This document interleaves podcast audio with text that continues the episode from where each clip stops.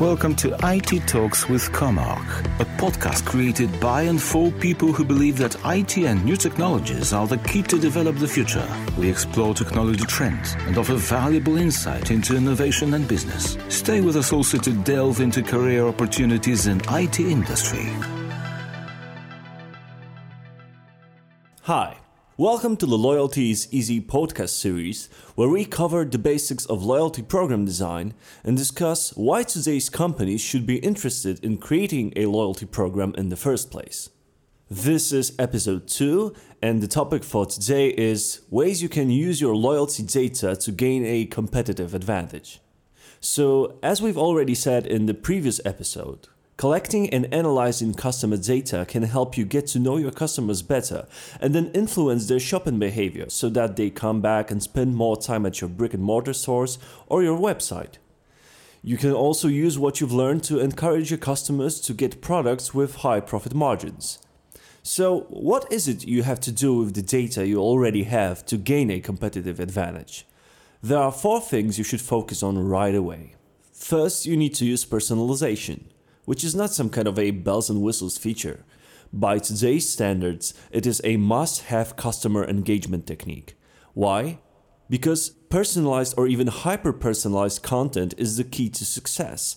It helps create emotional bonds, increase interest in your brand, as well as reduce marketing costs thanks to proper targeting.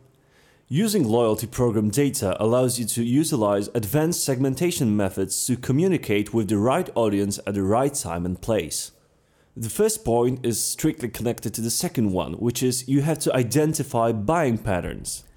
What it means is that you must learn how customers buy your products or services, paying attention to elements such as purchase order sequences. We're talking quantities and frequencies here. Using a loyalty marketing platform to identify those patterns allows you to understand your customers better and create offers that really hit the spot. The result? Higher revenue. Okay, so thirdly, you need to use a collaborative filtering technique. With the right marketing tools, you can take products and services that a given program member might like and just promote them, not showing them everything that is in your catalog. In e-commerce, this technique is often part of product recommendation algorithms, as it may affect both cross-sell and upsell processes. Last but not least, you need to become, let's call it, a marketing broker. Data concerning customers' behavior is as valuable to the program operator as it is to their program partners and market research agencies.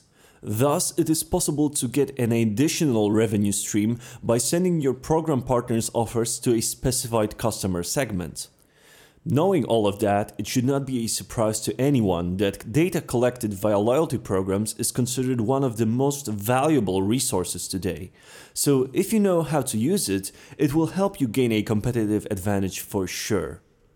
That's it for this episode. Stay tuned for more, of course, but right now, take care of yourself and your customers until the next time.